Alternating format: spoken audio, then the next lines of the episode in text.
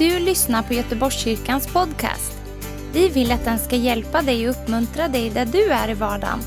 Vill du veta mer om oss så gå in på www.goteborgskyrkan.se.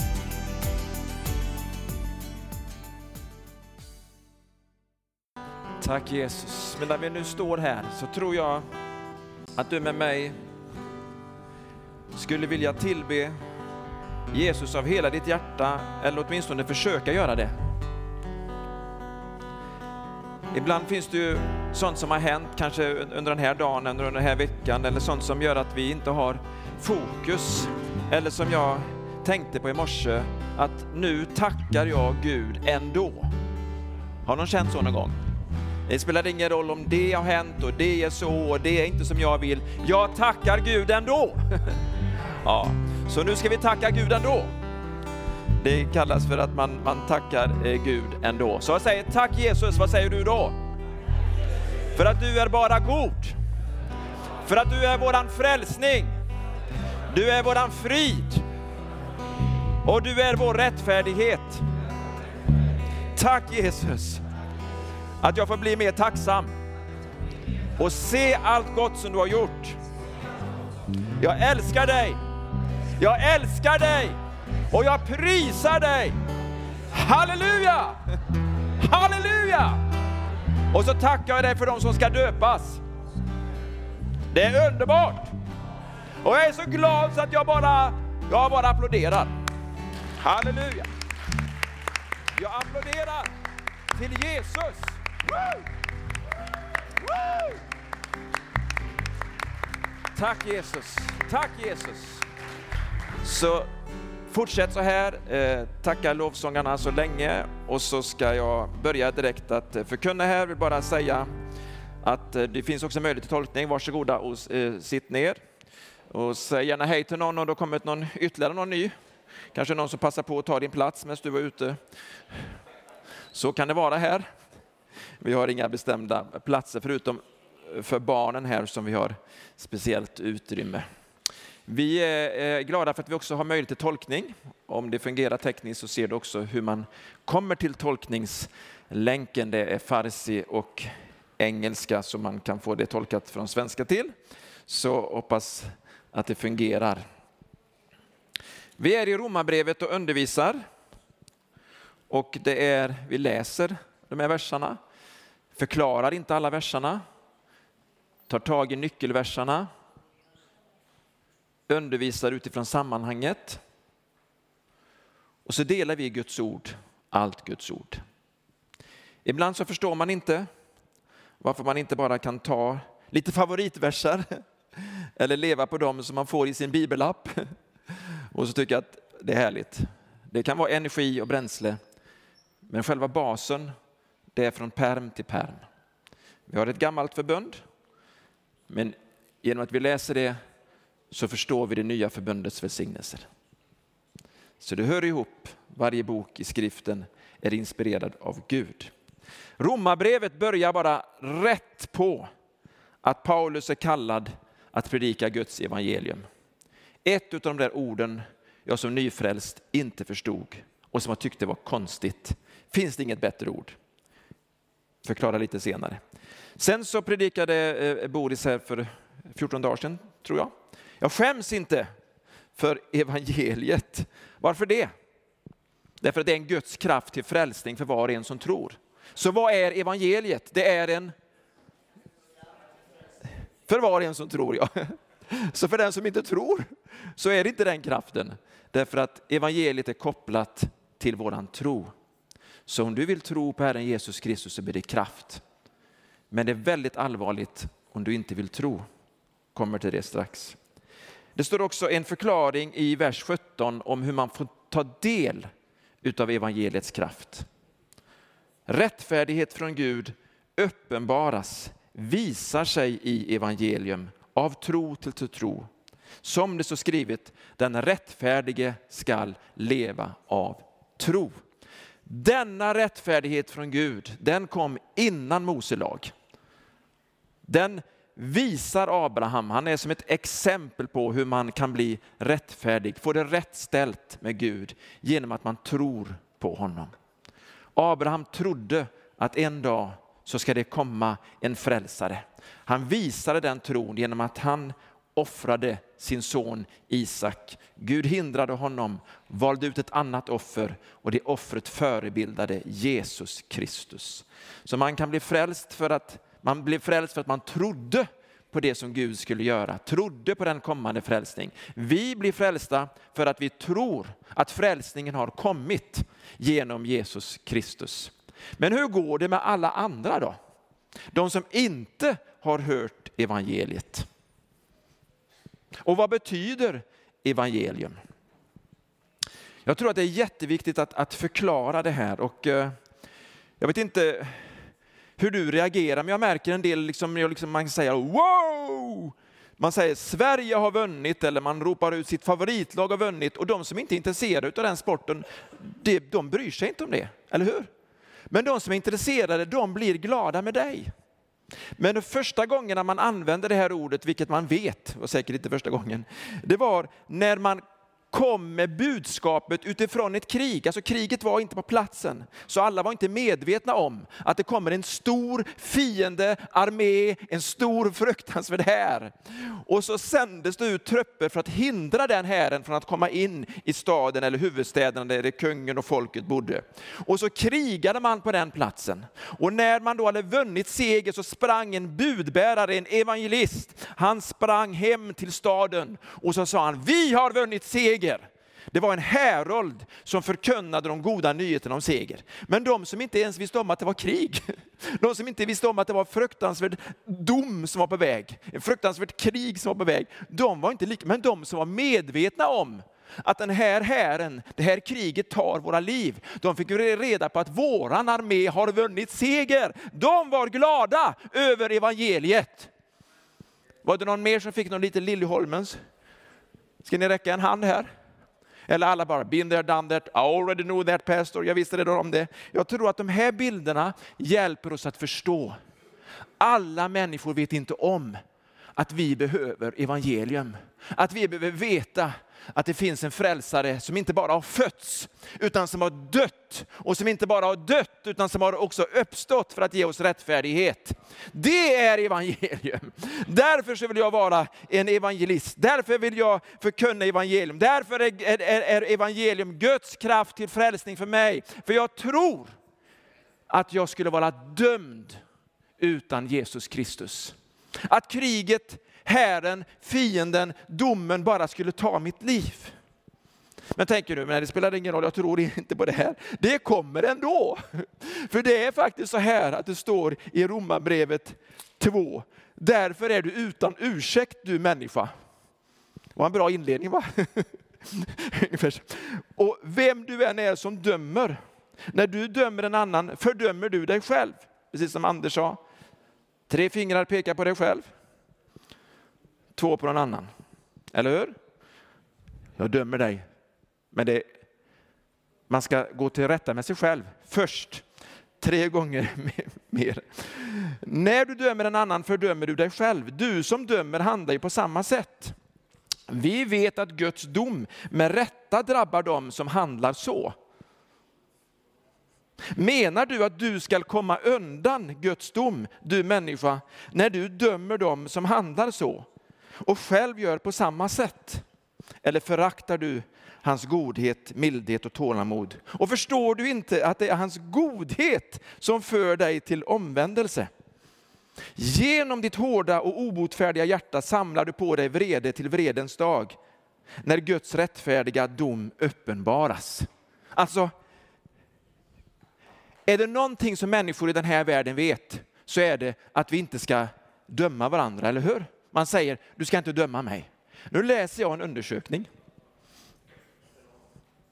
Du är så förlåten och du är så välkommen. Ge honom nu en god plats så vi kan fortsätta. Nu kommer, det är bara härligt, du bara kommer med i bild här. Ja, tack Jesus.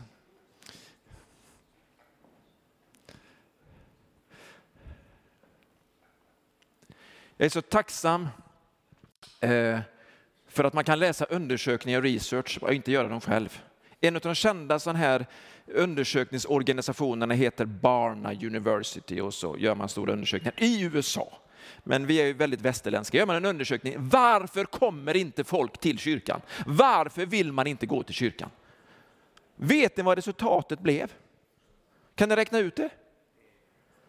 De som inte brukar gå till kyrkan, skulle vilja, har en tro, men nej, det är inget för mig. De säger så här, över 80 procent säger alla kristna är hycklare. Och så fick de säga mer, ja, har vi några hycklare? och så det andra, och så över 80 procent, så man fick ju sätta i många olika anledningar då, säger alla kristna är dömande. Vilken bra reklam vi gör för Jesus. Eller var jag ironisk nu? Hur ska vi ändra på det? Vi ska först och främst döma oss själva och så ska vi leva som vi lär. Det är det det handlar om här idag. För i första kapitlet så målades det upp Tack Anders för att det var du som predikade då. 21 synder. Jag bara känner, oh, liksom, oh, alla är dömda. Nu så kommer det en dom över dem som tror att de lever bra och rätt. Här var det judarna. Och så är det ju fortfarande med oss som bara är religiösa eller som är troende. Och vi tror att vi är rätt bra. För vi är ju bättre än andra. Och så säger Guds ord, du är utan ursäkt du som dömer andra. Men får vi inte döma? Jo, men vi ska döma oss själva först. Och inte fördöma. Men vi behöver döma. Men vi ska döma rätt domar. För en månad sedan kom jag ihåg att jag hade ett helt rött öga. Det här ögat var helt rött. Och så frågade de mig i badmintonklubben, Christian vad har du gjort? Och så tänkte jag att jag säger ett bibelord. Vet du, jag tog först bort bjälken ur mitt eget öga, sa jag. Och det såg ju verkligen ut som det fanns, föddes en bjälk, för det var, det var inte vackert, ögat. Jag hade ju fått en gren i ögat, så det var ju nästan sant. Mm. Men de fattade ingenting. Men jag liksom förklarar, jag vet ju det här att ni säger alltid att man, liksom, man, man, ska inte döma, man, ska, man ska döma sig själv först. Sen kan man gå till rätta med andra. Och så säger Jesus, ta först bort bjälken ur ditt eget öga. Sedan kan du ta bort den lilla flisan. Alltså den lilla, lilla flisan i din broders öga. Så Jesus säger inte, ni får aldrig döma. Han säger, döm er själva först. Rannsaka er själva först. Guds dom kommer först över församlingen, över de troende. Det är en rensning, det är en redning. Vi omvänder oss till Gud. När vi har gjort det så kan vi också säga till andra, du borde också omvända dig till Gud. Annars är vi hycklare! Alltså hypokrits, skådespelare. Vi låtsas som att vi är bättre än andra. Har vi några hypokrits här? Hur många har varit hypokrits någon gång? Hur många har varit det kanske oftare än vad du själv inser? Då räcker inte händerna till. Va? Nu är vi lite ärliga här. Detta hjälper människor som inte går till kyrkan, som inte tror på Gud, säga att jag gör också fel. Och hör här nu, du kan chocka dem och säga att du tänker fel varje dag. Och i ditt sinne behöver du ändra dig. Men hur kan du då gå till, hur kan du få förlåtelse? Jag har fått den förlåtelsen en gång för alla genom att Jesus Kristus dog för alla mina synder. Även hypokritsynden, även hycklerisynden, även den att jag dömer andra. Men det innebär ju inte att jag ska fortsätta leva så, för det blir en konsekvens av våra liv. Det är vad den här predikan handlar om som har börjat här nu. Som liten pojke i skolan eh, så gjorde jag väldigt mycket saker som man inte fick göra. Det här pågick under en ganska så lång tid, även upp till gymnasiet, så länge jag gick i skolan helt enkelt. Men det som var jobbigt för mig var att jag förberedde ursäkter för att jag inte hade gjort läxan, för att jag kom för sent. Jag hade många ursäkter. Men jag hade en lärare som inte godtog ursäkterna. Och då försökte jag komma undan domen. Är ni med vad jag menar? Så en gång hade jag gjort någonting väldigt illa, jag varit väldigt obstinat, alltså upprorisk, upprorisk. Då, när jag går därifrån, alltså jag bara gick iväg, det kallas för skolk och uppror och arrogans och allting. När jag är på väg hem från skolan, då bara imorgon är det kvartssamtal som det hette. Det brukar inte ta en kvart när, jag, när jag satt med läraren. Det tog bara en minut. Plus några till, plus några till. Så imorgon kommer domen. Då ska min mamma sitta med mig och läraren. Och min lärare kommer att fälla domen. Kan ni, känner ni hur det känns? Jag tror ingen har någon sån barmhärtighet. Ni bara ler mot mig. Tycker jag. Rätt åt dig Christian. Därför att vi är så glada när vi kommer undan domen. Det är någon annan som blir dömd. Det är någon annan som gör bort sig. Det är någon annan som syndar. Ser du på han? Titta, kolla på den här predikanten nu. Kolla på den som varit kristen så länge. Och så tror vi att vi kommer undan. Vi kommer inte undan. Vi måste fejsa det, möta det i tro på Jesus Kristus. Halleluja. Som har tagit domen, som har burit våra synder. Men vi säger Gud, jag bekänner, jag har syndat, jag har gjort fel. Amen. Nu undrar ni vad som hände? Ska jag berätta vad som hände? Jag sitter där och jag skäms jättemycket. För min mamma, det, är inte lätt att vara, det var inte lätt att vara min mamma. Mamma, du, du, du, vet att det, du vet att det här är sant. Men han säger inte vad jag har gjort för ont. Han berättar bra saker. Tror ni att jag älskar den här läraren efteråt? Jag ska ta trappan här nu. Så. Han berättade inte vad jag hade gjort. Jag, tror, jag vet inte, min mamma kanske vet det. Men, eh, men vad hände då? Jag ska läsa det igen. Menar du att du ska komma undan Guds dom, du människa, när du dömer dem som handlar så och själv gör på samma sätt? Eller föraktar du hans stora godhet, mildhet och tålamod och förstår inte att det är hans godhet som för dig till omvändelse? En lärares godhet förde mig till omvändelse. Han förlät mig. Han använde inte min synd emot mig. Han hade världens chans att bara sätta dit mig. Tror ni att jag älskade min lärare? Ja, jag hedrar honom än idag. Tror ni att jag till och med blev lite bättre? Mycket bättre. Jag fick till och med bra betyg. Jag förstår att ni tycker att det är konstigt. Men det, alltså det, det, kan hända saker i ens hjärta när vi förstår vad Gud har gjort genom Jesus Kristus. Då dömer vi varken Gud eller andra människor och vi vet att han har tagit min dom på sig. Då kan vi säga tack vadå? Nej, inte tack vadå. Du kan säga tack Jesus. Ja, kitos Jesus kan man säga. Merci Jesus, thank you Jesus, gracias Jesus, Jesus. Allt det där. Nu fortsätter jag. Och så står det så här. Han ska ge var och en efter hans gärningar. Nu när det här räknas upp så är det inte en gärningslära att man blir frälst för att man gör goda gärningar. Utan här förklarar Paulus att våra liv summeras. Och utifrån vår relation till Gud så blir det gott. Eller utifrån vårt uppror mot Gud så blir det ont. Så det är ingen gärningslära som plötsligt bakas in i några versar här. Vi måste läsa Bibeln i sammanhanget. För det kommer en gång en konsekvens, ett resultat, en dom också över vårt liv, våra gärningar. Evigt liv åt dem som uthålligt gör det goda och söker härlighet, ära och odödlighet. Men vrede och dom, vrede och dom åt dem som söker sitt eget och inte lyder sanningen utan orättfärdigheten. Nöd och ångest ska komma över varje människa som gör det onda. Främst över juden och även över greken. Väldigt märkligt att säga så här. Men juden hade ett större ansvar, för juden hade också fått lagen. Greken hade kunnat se skapelsen. Man såg Gud i naturen, evigheten i hjärtat, men judarna hade också fått lagen.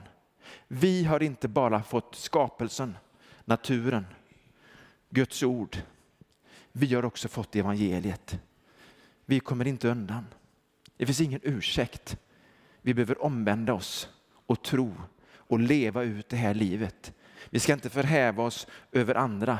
Gud vet vilka möjligheter vi har fått var och en. Han dömer oss rättvist. Vi ska inte bekymra oss om Gud någon dag skulle ha en orättvis dag. Det är vi i vårt mänskliga oförstånd som tror att Gud kan vara orättvis. Han är perfekt, han är fullkomlig, han är helig och hör här, han är bara god.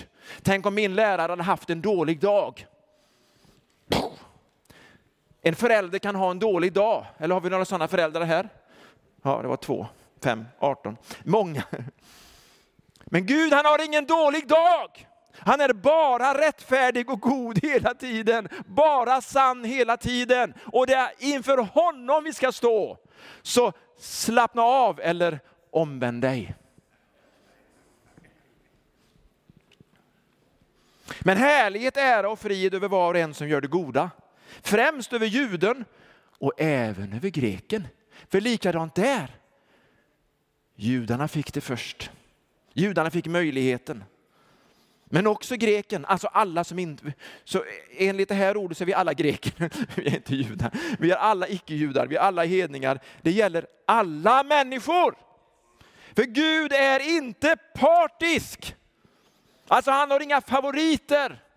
Han tänker inte så, men du är, ja, men du är uppväxt i den fina familjen, jag ger dig extra favör, alltså du är uppväxt där. Ja, det är en riktigt, de är, nej, Nej, du ska få det svårt. Gud är inte partisk. Han dömer rättvist. Säg halleluja. halleluja. Gud dömer rättvist. Ja, det var underbara Jesus, tack och lov, Kitos. Alla som har syndat utan lagen kommer också att bli förtappade utan lagen. Och alla som har syndat under lagen kommer att fördömas av lagen. Det är inte lagens hörare som blir rättfärdiga inför Gud, utan lagens görare ska förklaras rättfärdiga. Ty när hedningar som saknar lagen av naturen gör vad lagen befaller, då är det sin egen lag. Fastän de inte har lagen. Det visar att det som lagen kräver är skrivet i deras hjärtan. Om det vittnar också deras samveten. Och när det är tillsammans, deras tankar som anklagar eller försvarar dem. Det ska visa sig på den dag då Gud dömer det som är fördolt hos människorna. Allt enligt det evangelium som jag predikar på Jesu Kristi uppdrag. Hur kan det här vara evangelium? Tänk, evangelium det är bara de glada nyheterna, bara budskapet om seger. Ja, men det är också de som förstår att domen, den har redan fallit över synden, över människan. Vi lever redan i mörkret. Hur många kan Johannes 3 och 16 här? Du behöver inte citera, men du vet ungefär vad det står. Johannes 3 och 16. Det var nästan alla. Ska vi prova? Du älskade Gud hela världen, att han gav sin enfödde son för att de som tror på honom inte ska gå förlorade utan ha ett evigt liv. För Gud sände inte sin son till världen utan för att världen skulle bli frälst genom honom. Visst är det härligt? Men sen så står det versar som vi inte förstår. Det står det så här att den som inte tror är redan dömd. Men vad då? Har domen redan fallit? Ja, Domen har redan fallit över synden. Att utan Jesus Kristus är vi alla förlorade. Med Jesus Kristus, tron på honom, så blir vi alla frälsta. Så den största synden är att inte tro på Jesus, för då är man kvar under domen. Och vägen ut ur domen är genom tro på Jesus Kristus. Men även när vi tror på Jesus Kristus så ska vi leva det liv i den helige ande som förhärligar honom, som inte vanärar honom, inte i synd, inte genom kritiskt dömande mot andra. Halleluja!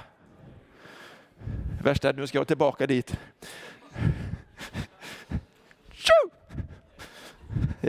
Ett litet under varje gång, som en del vet.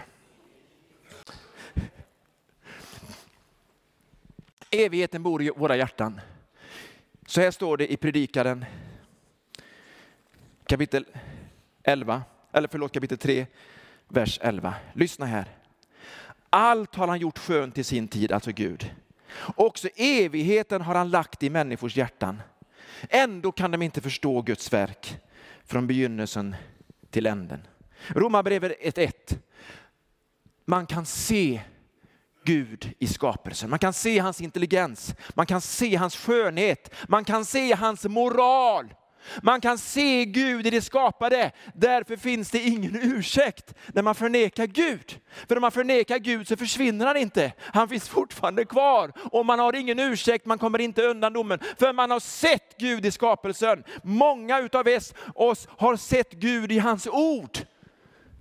Vi har också hört evangeliet som du hör här idag. Och jag säger det här med allvar. Nu hör du evangeliet. Då har du också ett ansvar för att ta till dig evangeliet, omvända dig till Gud, tro på Herren Jesus och bli frälst.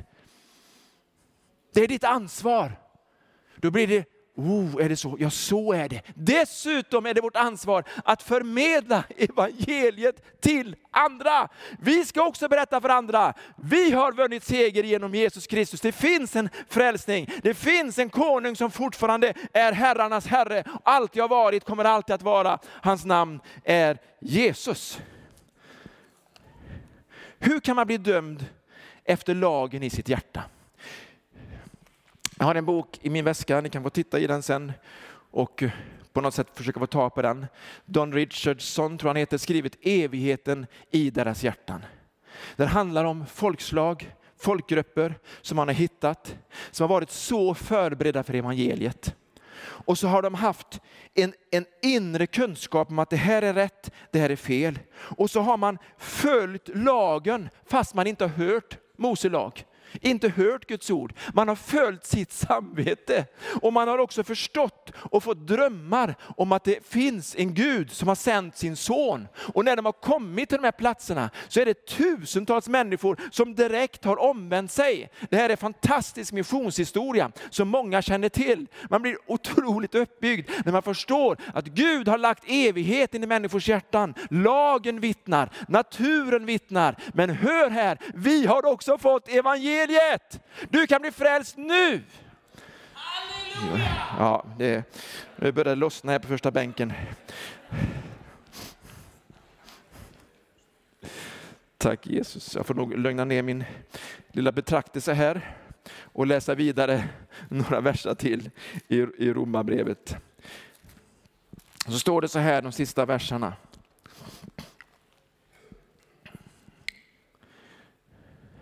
Det ska visa sig på den dag då Gud dömer det som är fördolt hos människorna, allt enligt det evangelium som har predikat på Jesu Kristi uppdrag. Och så står det så här, du kallar dig jude och finner vila i lagen och berömmer dig av Gud. Du känner hans vilja och kan avgöra vad som är rätt, du som är undervisad av lagen.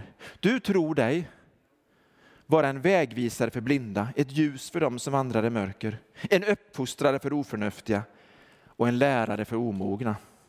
Eftersom du har kunskapen och sanningen förkroppsligad i lagen. Du som undervisar andra, du lär inte dig själv. Du som predikar att man inte ska stjäla, du stjäl. Du som säger att man inte ska begå äktenskapsbrott, du begår äktenskapsbrott.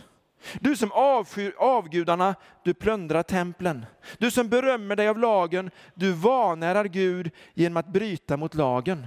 Ty skriften säger, för er skull smädas Guds namn bland hedningarna. Så här är det fortfarande än idag, att namnet Jesus smädas utav oss som kallar oss för kristna. Människor runt omkring ser, vi gör ju också synd, vi gör ju också fel. Då drar vi ner Guds namn, Herren Jesu namn. Må Gud förbarma sig över oss. Behöver vi omvända oss? Kan vi förhäva oss och säga vi gör bättre än de där som gjorde de här första 21 synderna i Romarbrevet 1? Förstår vi att vi är under samma löpp, under samma domare? Förstår vi det? Det här är oerhört viktigt. För om inte den ödmjukheten och den förkrosselsen smittar av sig så kommer vi inte att vinna människors förtroende. Kommer inte att lyssna på vårt vittnesbörd.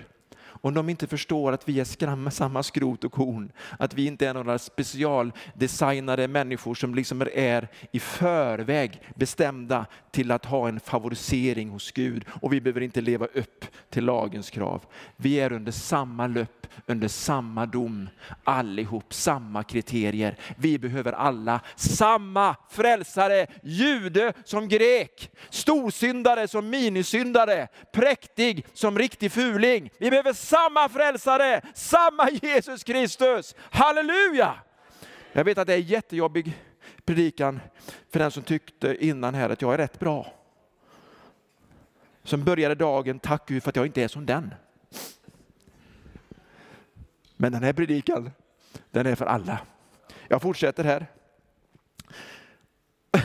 Omskärelsen är visserligen till nytta om du håller lagen. Alltså det var ju förbundstecknet eh, för judarna. Men om du bryter mot lagen och har du trots din omskärelse blivit oomskuren om du bryter mot lagen, och det gör de ju. Så, liksom, det kom på igen. Om nu en oomskuren uppfyller lagens krav, skall han då inte räknas som omskuren? En sådan som till kroppen är oomskuren men håller lagen skall döma dig som bryter mot lagen. Du som har lagens bokstav och omskärelsen. Den är inte jude som är det till det yttre. Och omskärelse är inte något som sker utvärtes på kroppen. Den är jude som är det i sitt inre. Och hjärtats omskärelse sker genom anden, inte genom bokstaven. Inte genom orden, inte genom lagen, utan genom anden. En sådan får sitt beröm, inte av människor, utan av Gud. Sista minuterna här. Det kan vara väldigt svårt att förstå det här med omskärelse. Några av er förstår det mycket bättre än jag. Men vi litar ofta på yttre ting. Jag har träffat så många människor, inklusive mig själv, som tänker så här, ja men jag är ju döpt. Ett, ja, därför så, nej jag kommer inte under domen för jag är, jag är döpt. Eller jag är konfirmerad som en del säger. Eller jag går till kyrkan. Eller jag möter Gud i naturen. Man har, liksom, man har någonting. Judarna hade sitt förbundstecken. Mikael säger, ja men jag firar nattvard en gång varje månad. Det handlar inte om det yttre som du gör som en bekräftelse av din tro.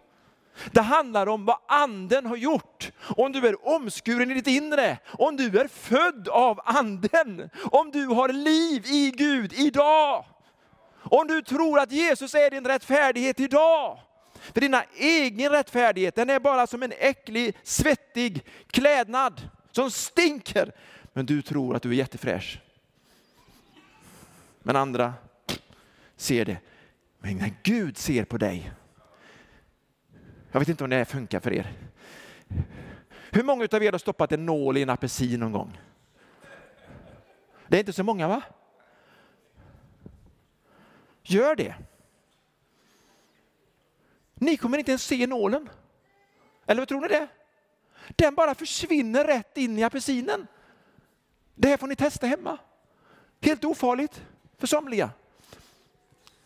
Om vi är nålen, är ni med? Om vi är nålen och Kristus är apelsinen. Jag vet att det är en jätteknäpp bild, men ni kommer aldrig att glömma den för att den är så knäpp och sylvass och skarp och bär så mycket frukt. När du ser på apelsinen så hittar du inte nålen, eller hur? Men du vet att nålen är i apelsinen.